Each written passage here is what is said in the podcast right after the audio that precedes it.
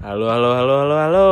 Kembali dengan saya di sini Bagus Sekianto. Ya, kali ini kita kembali lagi dengan isi podcast yang lebih berwarna. Di dalam episode selanjutnya ini uh, eh, gue bakalan bahas nih kayak gimana sih uh, tentang pariwisata selanjutnya dan apa aja pariwisata yang pingin gue bahas. Ya kali ini gue kedapatan tema yaitu tentang pariwisata agrowisata. Cuman sebelum kita down ke temanya, mau nanya dulu nih kabar teman-teman. Gimana kabar teman-teman semua? Semoga kabar teman-teman semua sehat, baik, bahagia. Itu sih kunci hidup yang penting sih menurut gue. Ya, kalau kalian yang masih sering-sering berpergian di saat PPKM ini ya dikurang-kurangin ya karena angka Covid ini di Indonesia lagi marak-maraknya nih teman-teman. Angkanya tinggi terus tidak menunjukkan turun dan signifikan. Dan kalau misalnya masih sering aktivitas di luar ya cukup hindari transportasi umum pakai masker cuci tangan atau pakai hand sanitizer hindari menyentuh mata mulut dan hidung bawa alat makanan dan minuman sendiri dan perbanyak minum-minum air mineral. Oh iya banyak sih sebenarnya. Kalau kalian yang udah ngelakuin uh, dapat jatah vaksinasi ya mbok silahkan dilakukan karena vaksinasi ini uh, untuk salah satu pembuktian menuju Indonesia yang lebih baik lagi ke depannya dan buat kesehatan Anda memang dianjurkan untuk vaksinasi kalau memang udah panggilannya jatah untuk datang vaksinasi ya tolong dilakukan ya. Terus oke. Okay, sekarang kita uh, mau melanjuti uh, tema tadi yaitu tentang pariwisata agrowisata. Nah ini penting nih. Ya sekarang uh, lanjut aja langsung aja kali ya kita mulai. Oke okay, uh, gue sebenarnya uh, awalnya mau ingin ngasih tahu nih bahwa Indonesia ini adalah negara agraris yang memiliki wilayah yang cukup luas dengan sumber daya yang beraneka ragam. Seperti kita tahu bahwa untuk memanfaatkan sumber daya tersebut dilakukan dengan kegiatan pertanian sehingga menghasilkan bahan pangan, sumber energi dan yang lainnya. Salah satu inovasi untuk mengembangkan pertanian dengan didirikannya desa wisata pertanian. Nah, desa wisata pertanian tuh apa sih? Nah, sebelumnya potensi wisata per pertanian ini sangatlah menjanjikan. Apalagi seperti kita tahu Indonesia didukung oleh letak geografis serta iklim yang sangat menguntungkan. Faktor lainnya yang mendukung adanya desa pariwisata adalah pemandangannya serta keasrian dari desa tersebut sehingga tidak hanya cocok untuk jadi lahan bercocok tanam saja, melainkan juga buat bahan edukasi pariwisata konsep desa wisata pertanian ini menekankan pada bekerja sama dengan antara pertanian petani pemerintah hingga penyuluh pertanian. Nah dalam hal ini pemerintah sangat penting di mana pemerintah dapat mendukung program-program yang akan dijalankan bahkan hingga memberikan modal Sedangkan penyuluhan pertanian akan memberikan arahan bagaimana cara meningkatkan produktivitas dengan menjalankan program wisata dengan baik nih. Nah, tujuan wisata pertanian itu uh, banyak ya beberapa bakalan gue sebutin yaitu ada pemberdayaan masyarakat, ada menanggulangi kemiskinan, dan ada menekan arus urbanisasi. Nah, pemberdayaan masyarakat itu apa sih Ki? Nah, pemberdayaan masyarakat ini dalam pengembangan desa pariwisata, desa pariwisata pertanian, maka akan menciptakan suatu lapangan ya lapangan kerja yang baru. Hal ini dikarenakan di usaha usaha tani akan menyerap tenaga kerja dari masyarakat perdesaan tersebut, bahkan mampu menurunkan tingkat stres masyarakat. Nah, yang kedua tadi ada menanggulangi kemiskinan dengan perpaduan konsep antara konsep wisata dan pertanian ini akan mendapatkan meningkatkan pendapatan petani sekaligus masyarakat pedesaan tersebut. Dengan demikian, masyarakat atau petani akan jauh lebih sejahtera karena adanya program-program yang dibentuk.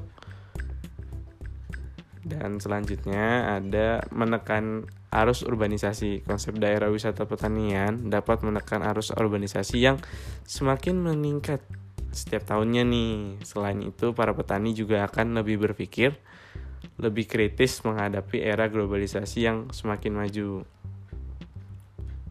Nah, selanjutnya itu kita akan bahas mengenai jenis agrowisata. Oke, Pak. Pada era ini manusia di bumi hidup dipenuhi oleh dengan kejenuhan rutinitas dengan segudang kesibukan. Ya, seperti yang masih mahasiswa belajar, yang masih uh, berkeluarga menjadi tulang punggung bagi keluarga mencari nafkah yang masih uh, yang masih merintis karir sebagai usahawan juga sibuk juga akan merintis karir juga dalam bidang apa pun lah ya kesibukan lah ya. Nah, pengembangan agrowisata ini dapat diarahkan dalam bentuk ruangan tertutup seperti museum.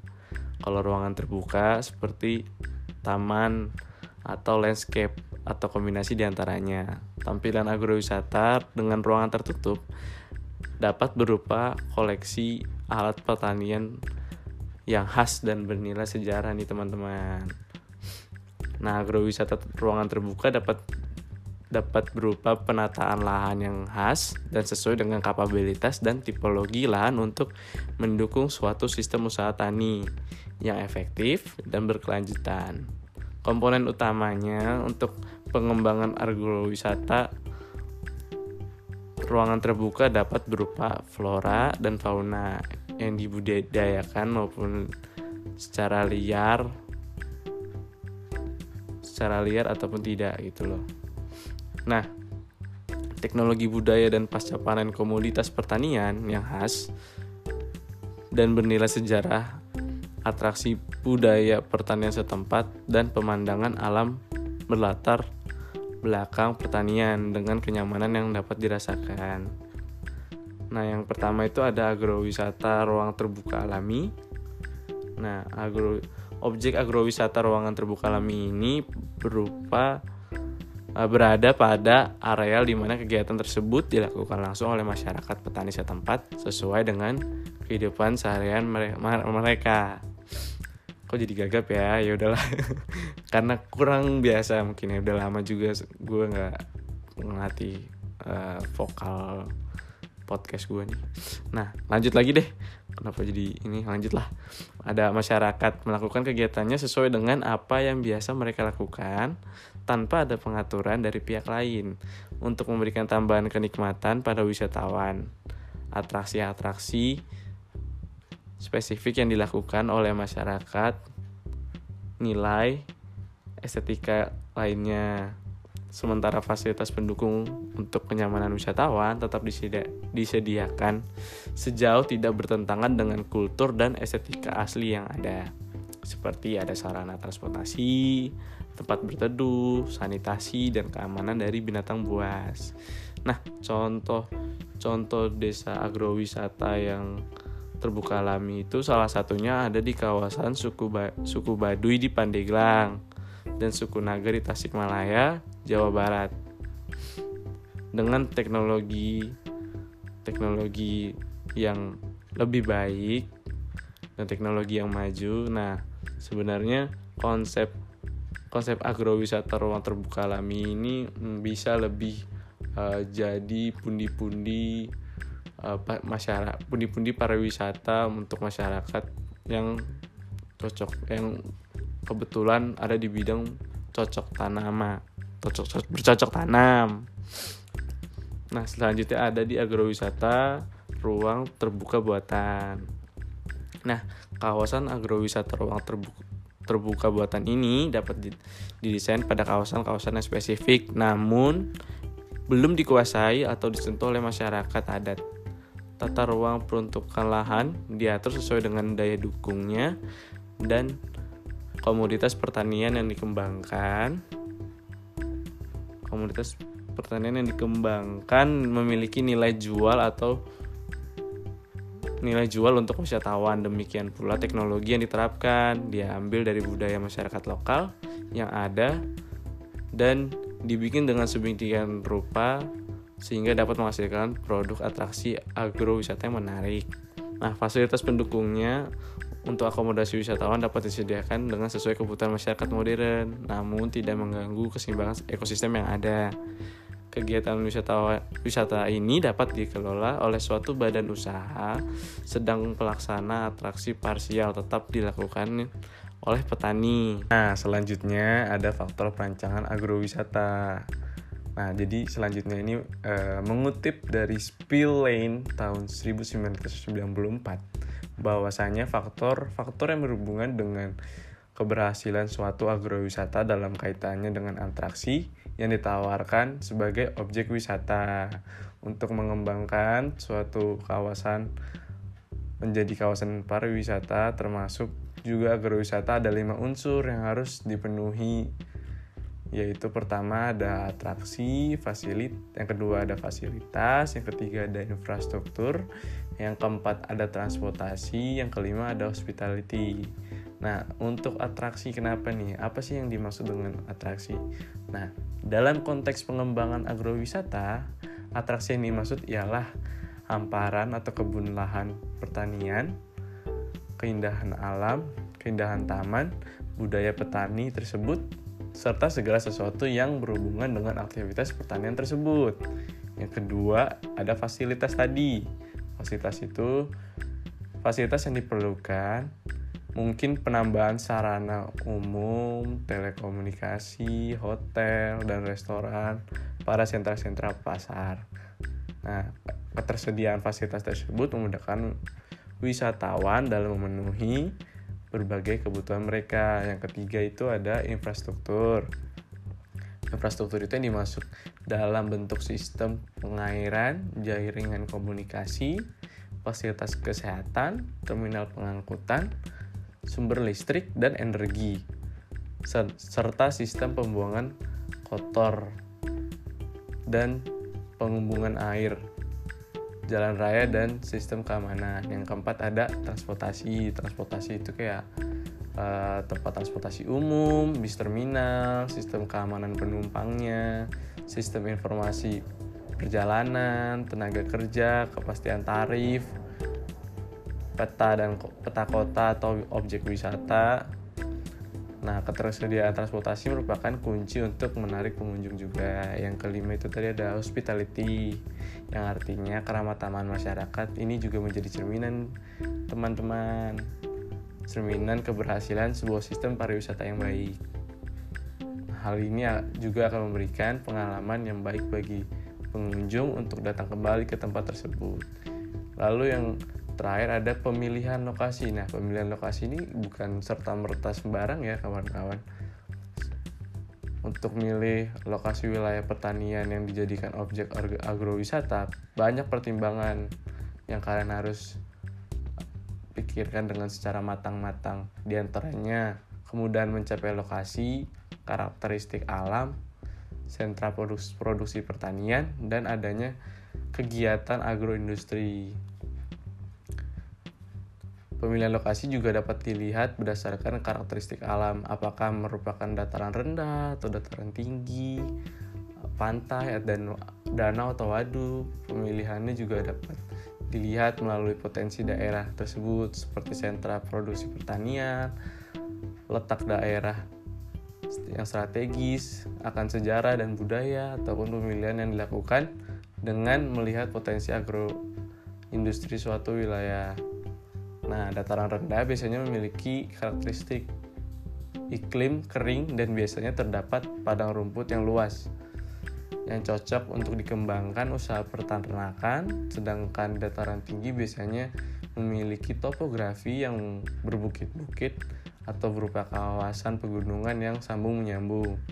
Nah, umumnya daerah pegunungan ini memiliki tanah yang subur dan suhu relatif rendah sehingga cocok dengan pertumbuhan berbagai jenis tanaman bunga dan sayuran.